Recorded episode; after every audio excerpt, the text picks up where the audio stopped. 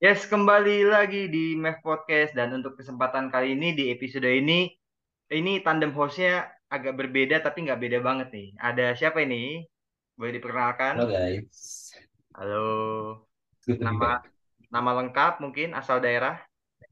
Eh, nama lengkap Patra, seperti yang tertulis di Zoom ya. Nama gue Prasetya Aji Andaru, cuman biasa dipanggil Andaru.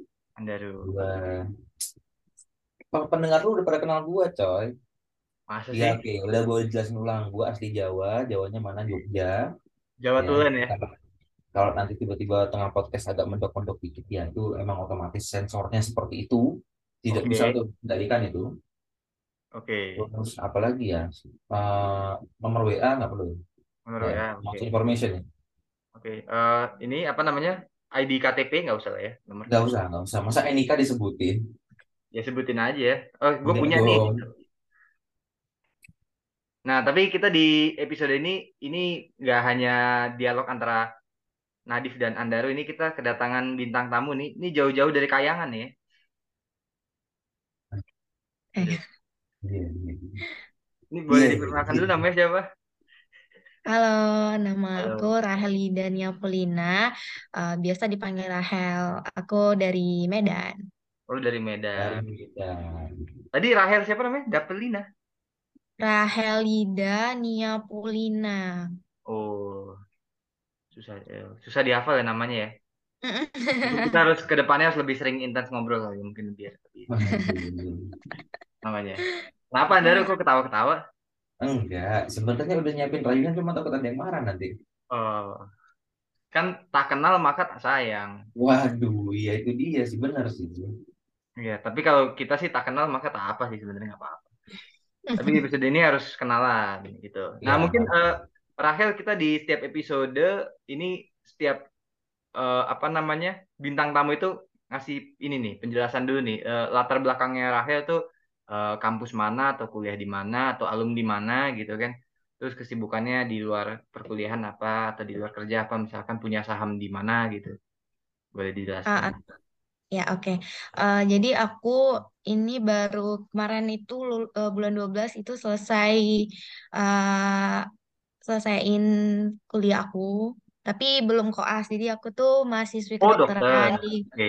ya di Universitas Sriwijaya Palembang. Oke. Terus sekarang kegiatannya ya liburan aja, maksudnya masih di rumah aja karena eh, tunggu koas nanti bulan tiga awal kali ya, Ti- bulan tiga awal di situ mulai koas. Sekarang tuh paling di rumah eh, workout, belajar persiapan koas, terus sama eh, nonton gitu doang.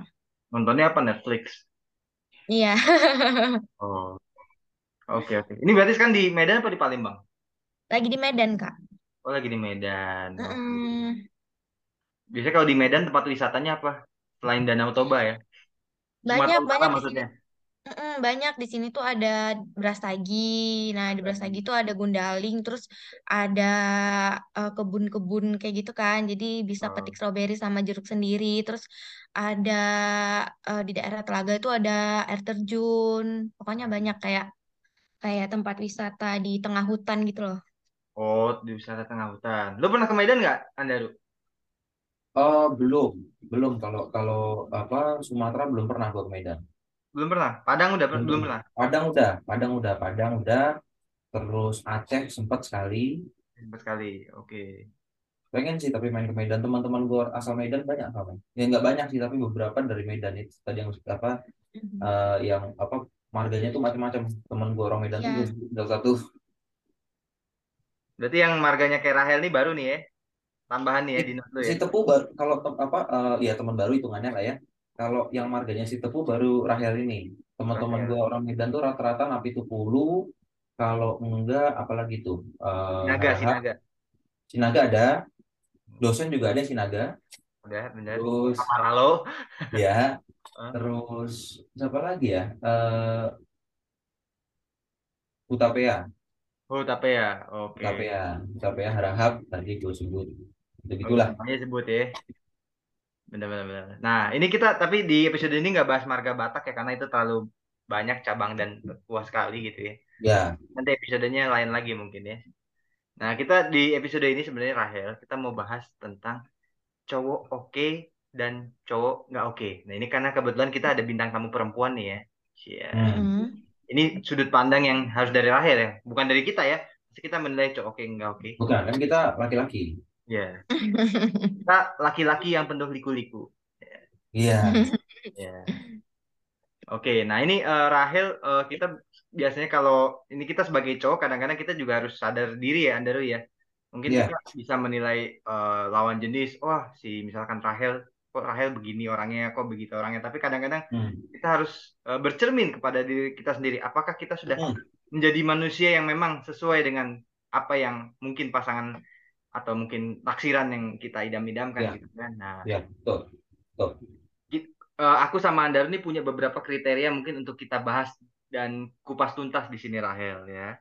Ya, Yang oke, Kak. pertama soal ini yang paling sakral banget dan ini request loh dari Rahel nih ya. Ini kita spill nih. Rahel jadi sebelum tag podcast ini eh, pengen request ada satu kriteria nih katanya buat dicantumin nih. Oke. Langsung aja kita masukin di yang pertama ini adalah laki-laki yang angkuh atau sombong nih. Ini gimana nih menurut Rahel nih? Definisinya apa sih cowok sombong di mata Rahel itu?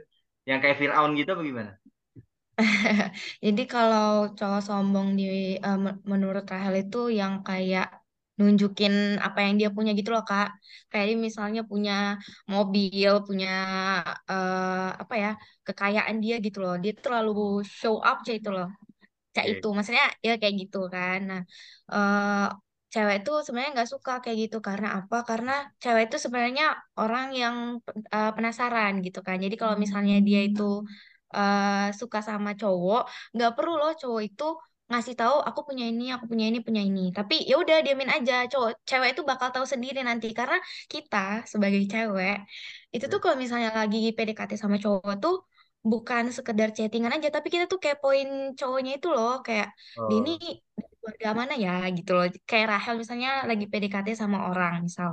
oke. Nah, Rahel itu bukan eh, cuek kayak nggak peduli gitu dia tuh dari siap dari mana asalnya terus dia itu siapa gitu tapi Rahel kepoin misalnya eh, lihat eh, sosmed dia atau lihat teman-teman dia atau bahkan Rahel tuh lihat sosmed mamanya kayak gitu jadi kan Oke. jadi tahu sendiri jangan terlalu ditunjukin kalau dirimu itu siapa gitu loh sebenarnya Hmm. Kalau bahasa Jaksel tuh low key ya. Keep it low key aja iya ya. Iya, Loki, Loki benar. Diam aja, daun ini aja. Iya. Underground aja, ya enggak? Iya, Mm-mm. ya underground bener aja udah. Low profile aja low profile. Oh iya iya iya. gitu maksudnya Benar-benar lihat isi dompet juga iya bisa bisa jadi bisa jadi. Iya. Oke. Terus ini juga mungkin eh, agak-agak mirip sombong nih tapi mungkin aku nggak tahu nih kalau dari segi Rahel bedanya apa nih? Sombong sama cuek itu bedanya apa? Eh, kalau sombong yang kayak Rahel tadi bilang tuh kayak, Ah, kayak terlalu menunjukkan dirinya itu siapa gitu. Tapi kalau misalnya cuek, ya nggak peduli gitu loh. Kalau Hmm. misalnya kita sebagai cewek kayak pengen komunikasi sama dia, ya dia nggak peduli, dingin gitu loh. Oh, dingin. Tuh. Berarti kalau cewek eh cewek kalau apa namanya kalau cuek itu konotasinya kaku apa enggak sih kalau menurut Rahel? Hmm, kaku. Kaku. Berarti kalau cuek itu pasti sama dengan kaku gitu. Iya, mm-mm. Kenapa? Cuek itu sama dengan kaku. Kenapa? Karena ya itu dia nggak peduli gitu loh, Kak. Nggak Kalau peduli. misalnya cowok yang nggak cuek itu pasti apa ya? eh suka cerita sama orang-orang gitu kan. Pokoknya dia tuh Oh, pembawaannya gak kaku gitu. ha. oh luas-luas gitu ya, berarti ya. Ya, Eh, kamu menilai kita gimana nih? Eh, aku sama Andaru belum bisa ya, belum bisa dinilai ya. mm, gak kaku, Oh nggak friendly kaku. juga. Friendly. Oh, berarti ini eh, ada satu kriteria ya yang bisa jadi acuan buat kita nih Andaru. Berarti kita dinilai oleh Rahel orangnya friendly ya. Iya, friendly dan nggak boleh kaku. Mesti Benar. lentur jadi orang. Nah, Oke oke. banyak Nah, latihan sama karet gelang deh itu kalau gitu. Oke oke. Nah ini eh, mungkin masih ada kaitannya juga sama sombong sama apa namanya show off juga. Laki-laki yang sok kegantengan ini menurut Rahel gimana? Kalau mungkin Mm, Nah, sombong kan mungkin lebih ke sifat-sifat yang lebih luas ya. Kalau sok kegantengan kan biasanya lebih ke fisik ya kita bicaranya ya. iya. Nah, Nah, itu juga salah satu sikap yang buat cewek tuh ilfil gitu loh, Kak. Dia wah. tahu diri dia tuh ganteng terus dia tuh kayak kayak apa ya? Kayak Tebar pesona eh gitu. Menunjukkan iya, TPTP. Nah, kalau orang Medan tuh bilangnya TPTP tuh berpesona TPTP. berpesona Apa kayak gitu. Oh, Iya. TPTP. Kalau kita di sini PT-PT kalau tapi lain Oh, artinya. PT, PT itu bayar sendiri, bayar sendiri. Iya, kalau lu kalau lu nongkrong sama teman-teman lu bayar bayar DW-DW, nah itu baru namanya PT-PT. Kalau TPTP itu eh, ya TP kata apa tebar pesona. berpesona. heeh. Iya. Heeh. kalau Iya. bahasa Bukan dulu anak sekolah tuh nyadan ya, nyari dana ya. Iya Iya. Yoi. Oke, oke. itu. Nah, tapi eh, gini Div, menurut gue tuh juga eh, nggak cuman dari tiga itu sebenarnya banyak sih ya kalau kita Iya, ngomongin kriteria tuh itu banyak banget dan banyak luas banget. banget gitu. Maksudnya kalau ya kita bahasa anak kuliah gitu ya, Iya, variabelnya tuh banyak gitu loh. benar-benar. Gitu yang mesti jadi pertimbangan juga. Nah, ini eh, aku mau nanya nih sama Rahel nih. Eh, pendapat Rahel tentang eh, cowok tuh oke nggak sih kalau misalkan eh, dia tuh eh, bau badan ya? Maksudnya kayak eh, ya apakah itu gimana? Maksudnya itu menjadi suatu penilaian yang eh, sifatnya mungkin eh, krusial untuk seorang perempuan bahwa cowok tuh harus wangi, harus harum atau eh, apa gimana Eh, dari dari sudut pandang Rahel gitu. Eh, Oke Kak, Eh, kalau menurut Rahel itu juga termasuk kriteria cowok oke ya kalau misalnya bau eh kalau misalnya dia itu wangi gitu. Jadi kalau misalnya yang bau itu berarti ya buat cewek ilfil juga sih sebenarnya. Apalagi Rahel tuh nggak suka sama cowok yang bau kelihatannya kayak nggak peduli sama diri sendiri dan penampilan sama dirinya aja nggak peduli gimana sama pasangannya nanti gitu loh. Hmm, berarti sama, sama cowok-cowok yang mandinya seminggu sekali itu udah oh, udah udah coret auto coret lah ya. Ya, eh, eh, bener. Itu bener-bener buat cewek ilfil. Apalagi kalau misalnya baru first date, terus dia datang bau, itu bener-bener dah gitu. Iya, apal- apalagi kan first impression kan. Itu itu itu Iya, matters matters banget. Apalagi kalau kalau misalkan eh, kamu bawa co- apa cowokmu gitu ke tongkrongan terus dia bau kan juga sama teman-temanmu nggak enak kan. Iya. benar. At least Gitu. rapi lah, apalagi kalau ketemu Rahel ya.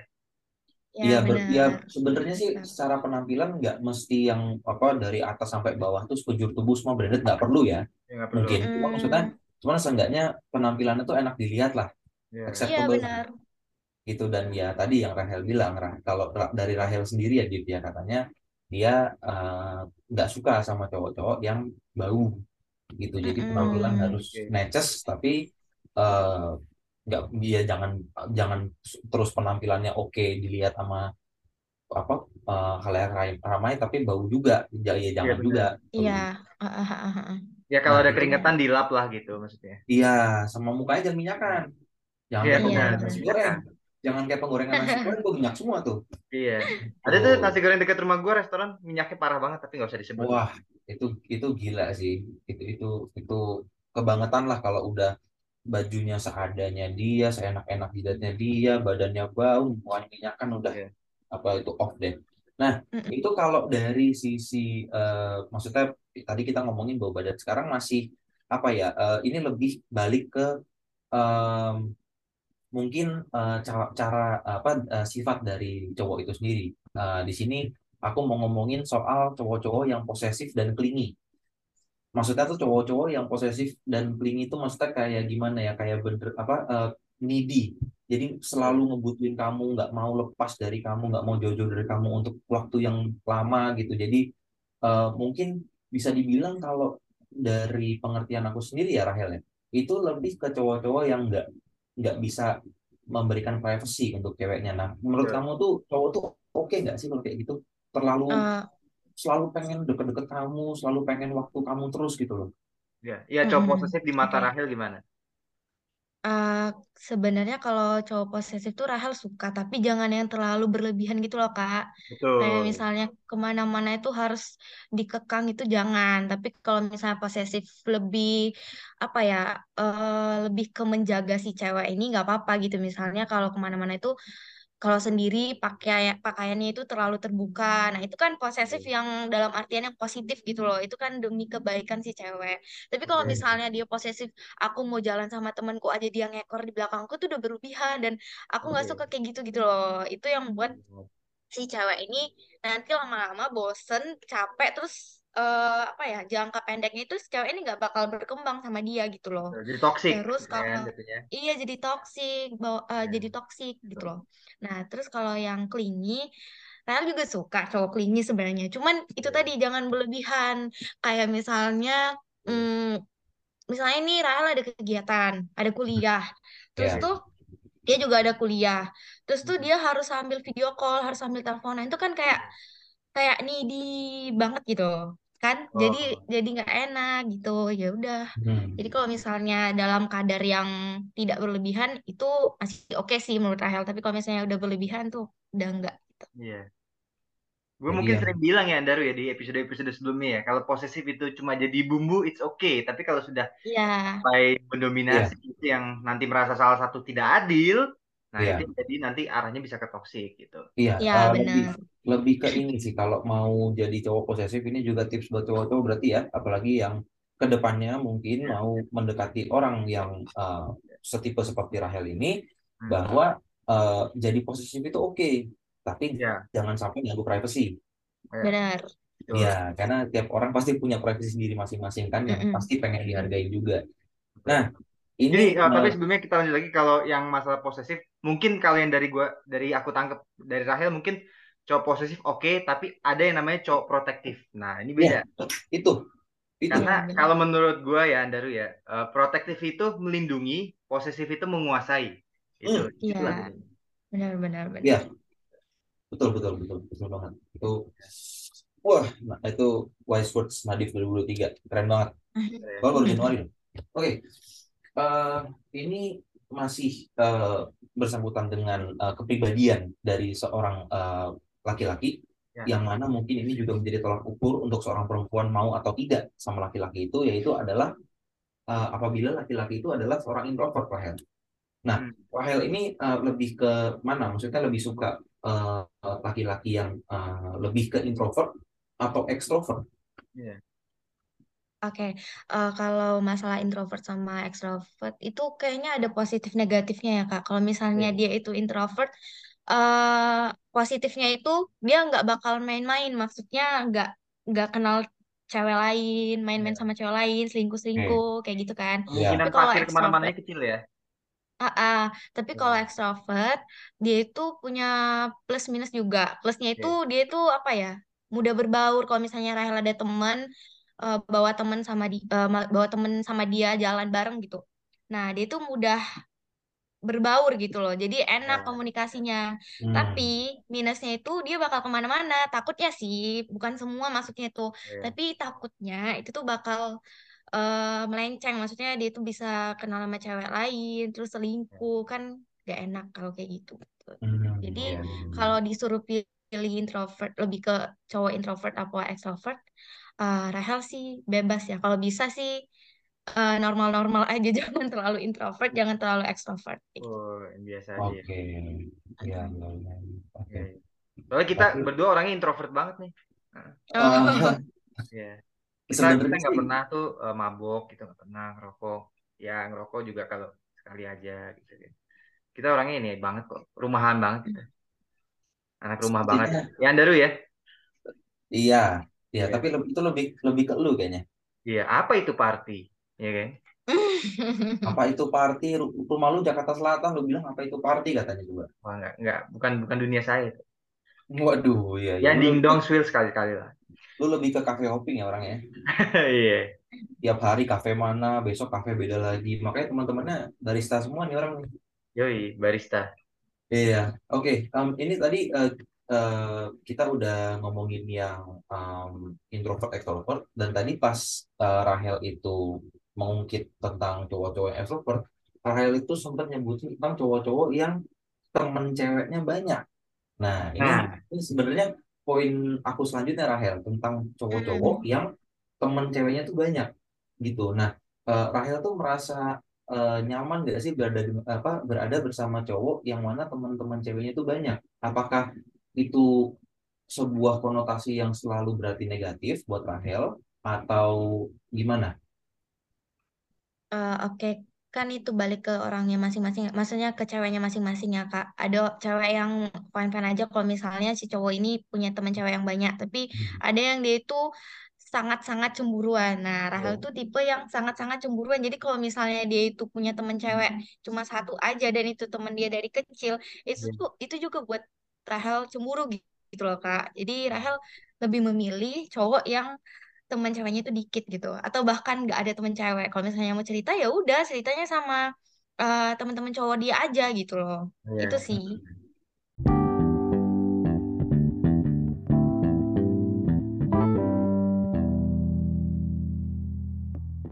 Ini eh, apa poin selanjutnya nih? Ini eh, tentang cowok-cowok yang eh, doyan main sosmed nih Rahel nih. Nah, Nah, Mhm. menurut Rahel tuh gi- gimana sih maksudnya dari, dari apa point of view Rahel gitu tentang cowok-cowok yang apa doyan banget main sosmed atau bahkan mungkin cowok ini tuh eh, udah sosmednya banyak di hampir, hampir di setiap platform ada, terus follower dia tuh yang udah sampai K bahkan ujungannya tuh M. Nah, ini menurut Rahel gimana? Maksudnya eh, ini eh, otomatis menjadi sesuatu yang negatif kah atau atau eh, gimana menurut Rahel tentang ya kan soalnya arah arahnya juga kayak yang tadi lagi temen ceweknya banyak mungkin bisa pengaruh salah satunya karena main sosmed. Nah, cowok-cowok influencer, kalau in- gini, pasti kebalikan. Influencer cowok, kemungkinan besar followernya cewek. Begitupun Mm-mm. sebaliknya. Influencer cewek, pasti kebanyakan followernya cowok. Apalagi Betul. plus kalau cowok, apa cewek itu eh, penampilannya menarik. Contohnya Rahel gitu ya. Nah, ini gimana menurut Rahel? Eh, kalau tentang cowok-cowok yang doyan banget main sosmed and always on social media. Hmm, kalau menurut Rahel tuh, kalau misalnya cowok-cowok yang terlalu aktif di sosial media itu kayak dia tuh terlalu menunjukkan dirinya gitu ya, Kak. Sama aja sih kayak eh jatuhnya tuh Rahel tuh mungkin kalau misalnya dia mungkin dia nggak ngerasa sok sok kegantengan gitu kan. Tapi menurut Rahel, kalau misalnya cowok yang terlalu aktif di sosmed, apalagi dia itu setiap jam itu upload story, apalagi storynya itu foto selfie dia sendiri, itu tuh Nah, bener buat cewek tuh ilfeel gitu loh kayak ih apa sih? gitu kan. Tapi kalau misalnya nanti beda konteks, misalnya dia tuh orang apa ya tokoh publik gitu ya, tapi dia tuh nggak terlalu eh, menunjukkan dirinya di sosmed. Tapi ya followersnya banyak gitu. Nggak apa-apa kalau misalnya kayak gitu ya. gitu loh. Yang penting jangan terlalu menunjukkan dirinya di sosmed gitu. Rahel kurang suka kayak gitu. Tuh. Dan ya dan Tuh. mungkin cewek-cewek lain juga kayak ilfeel gitu loh Kak. Gitu kayak sih gitu. Ya. Oke, let's say ambil contoh lah. Eh, Rahel pernah lihat Instagramnya Nicola Saputra? Nicola Saputra. Nah ya oke. Lihat feednya itu kan nggak ada foto selfie dia. Bener-bener Iya benar. kecuali Ha-ha, profilnya, ya, profile picture-nya ada. Kalau yang kayak gitu gimana? Itu masih masuk nggak di Rahel? Ini cowok oke nih kalau dari segitu. Menurut kamu Masih masih masih oke kalau kayak gitu. Tapi kalau misalnya dia itu di feednya itu foto selfie dia kebanyakan, terus dia di story juga eh, foto selfie dia kebanyakan itu. Hmm. Ini tipikal-tipikal yang ini Dev yang cowok-cowok apa apa di feednya fotonya malam-malam gelap-gelap pakai flash terus tangannya begini. Oh iya benar-benar.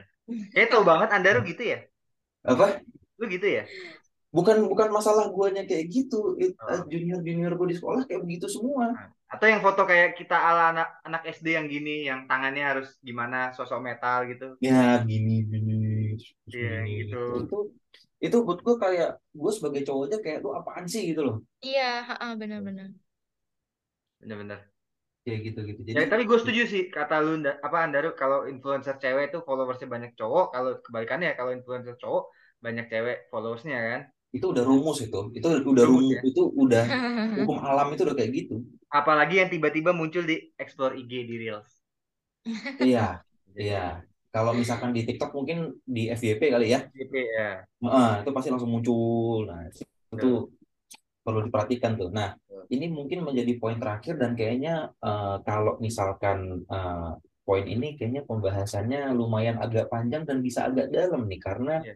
gue pengen ngungkit tentang LDR. Nah, LDR.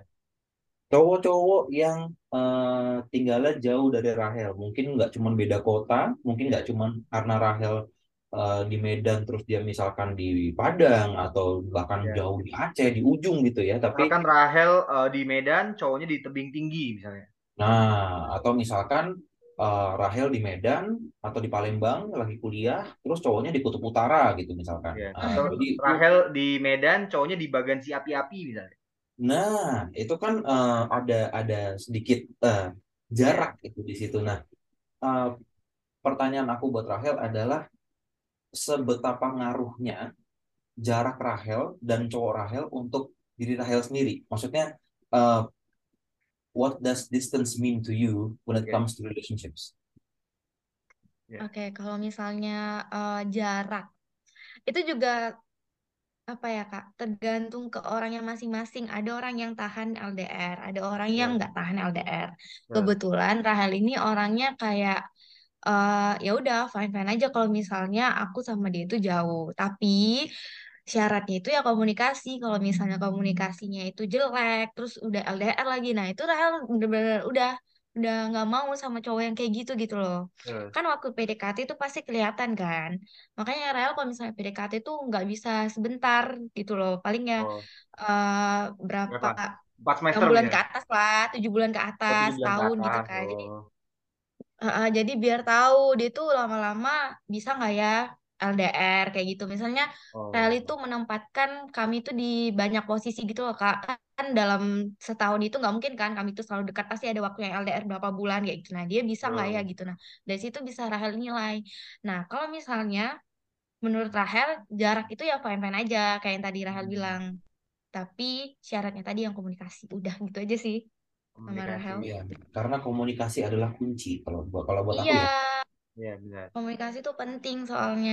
Apalagi kalau misalnya nanti udah LDR terus berantem ditinggal lagi. Gimana Nah, coba? Oh, oh pengalaman Rahel. Enggak, Rael pernah kemarin Oh, LDR 2 tahun soalnya. oh dua tahun, lama juga ya. Iya, kayak ini apa? Eh, Piala, Piala Dunia empat tahun ya. Dua tahun apa ya? Nggak tahu deh. Iya, tapi kalau misalnya di apa ya? Hmm, kalau misalnya dibandingkan LDR sama yang enggak LDR tuh ya jauh lebih enak yang enggak LDR karena kalau misalnya ada ada apa ya ada masalah itu bisa langsung ketemu bisa langsung diomongin gitu kan kalau Betul. misalnya face to face itu kan nyelesain masalah itu lebih gampang gitu loh lebih cepat gitu tapi kalau misalnya eh, LDR nyelesain masalah itu tunggu diredam dulu kan kak emosinya dan Betul. itu tuh enggak enggak enggak dua jam tiga jam bisa aja dua hari bisa sehari bisa Betul. tiga hari nah itu tuh memperpanjang apa ya memperpanjang Apalagi kalau durasi ini, kalau kita apa ngelihat kalimat di teks, ini orang kan ekspresinya bisa kita nggak tahu nih asli kayak gimana. Kalau Mm-mm, iya omongan secara benar. Jadi kan tahu mimik wajahnya, iya bagaimana perawakan gitu. segala macamnya gitu iya. kan. Moodnya Hmm. juga bisa ketebak gitu. Kalau cuman berdasarkan tek- texting dan phone, belum tentu orang yang lagi marah-marah tulisan, tapi mungkin bisa aja wajahnya senyum kan. Kita nggak tahu. Iya Iya, makanya. iya, nggak nggak jadi selalu nggak selalu kalau ada orang ngetik hahaha WKWK tuh berarti dia tawa. Iya. Iya Iya, benar. itu. Nah, Gitu. tadi ngomongin soal eh, masalah nih. Ini ini sebenarnya eh, out of the box aja sih. Pengen pengen nanya aja ke Rahel nih aku nih. Eh, kalau misalkan Rahel eh, punya pasangan, terus Rahel sama pasangan amit-amit misalkan ada masalah nih, gitu ya. Eh, Rahel itu lebih memilih untuk omongin masalahnya baik-baik, selesain baik-baik, atau eh, menjauh terus atau bahkan udahin aja. Eh, dulu, dulu sih Rahel kalau misalnya ada masalah itu cepet ngomong putus. Nah sebenarnya itu nggak bagus kan kak buat di relationship. Nah tapi Rahel dulu tuh kayak gitu. Nah seiring berjalannya waktu tuh Rahel belajar belajar belajar belajar. Ke misalnya Rahel pendem bentar aja misalnya sejam nih Rahel redain emosi dulu.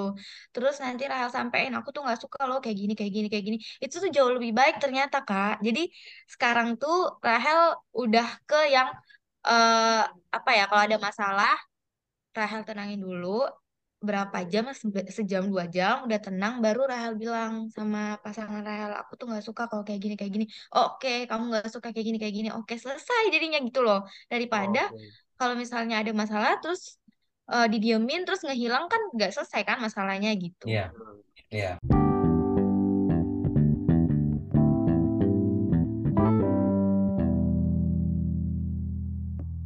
Rahel, eh, kita sudah di hampir di ujung podcast ini ya. Nah, ini setiap bintang tamu sebelum closing nih ada privilege untuk social media promotion nih ya. Ini mungkin eh, Rahel bisa promosiin kalau perempuan sih rata-rata Instagram sama TikTok sih. Oke. iya Instagram sama sama TikTok TikTok aja ya. deh Eh, eh, Rahel ngomongnya pelan-pelan aja. Eh, kalau bisa artikulasinya bagus karena abang-abang yang pakai jaket hoodie warna putih ini, nah ini akan mengetik nih. Langsung eh, biasanya gitu langsung eh, jadi, jadi setiap podcast soalnya gerakannya gitu. cepet nih biasanya nih.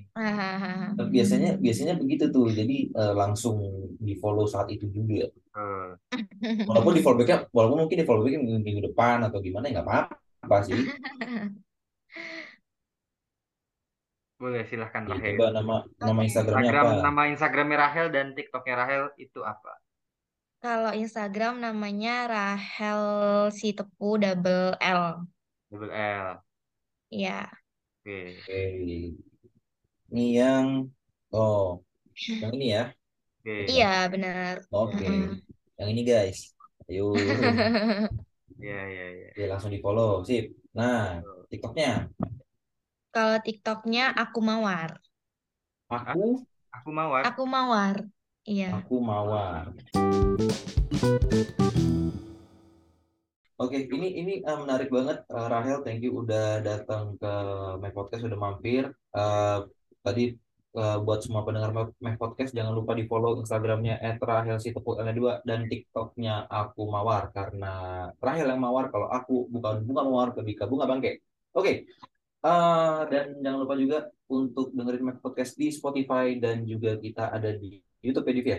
Ya, ada di YouTube, ada di Ada Spotify, ada di Noise juga.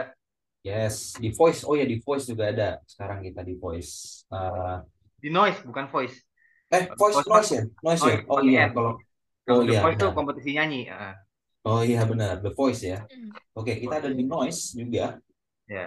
Jadi eh, jangan lupa untuk dicekidot semuanya. Iya. Dan buat para pendengar nih sebelum gue sama Nadif dan juga Rahel pamit, gue pengen minta doa ke semua pendengar podcast. Tadi seperti yang gue bilang di awal podcast bahwa kita doakan yang terbaik untuk guest star kita Rahel Sitepu. Semoga dua atau tiga tahun dari sekarang udah buka klinik kecantikannya sendiri. Amin Betul. ya.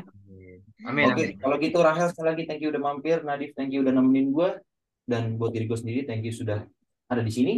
It feels good to be back on air setelah lama tidak podcast, tidak mengudara gue kembali dan nantikan terus episode-episode seru dari Mac Podcast berikutnya. Selamat malam, sampai jumpa. Bye bye. Thank you Rahel. Ya, thank you juga, Kak.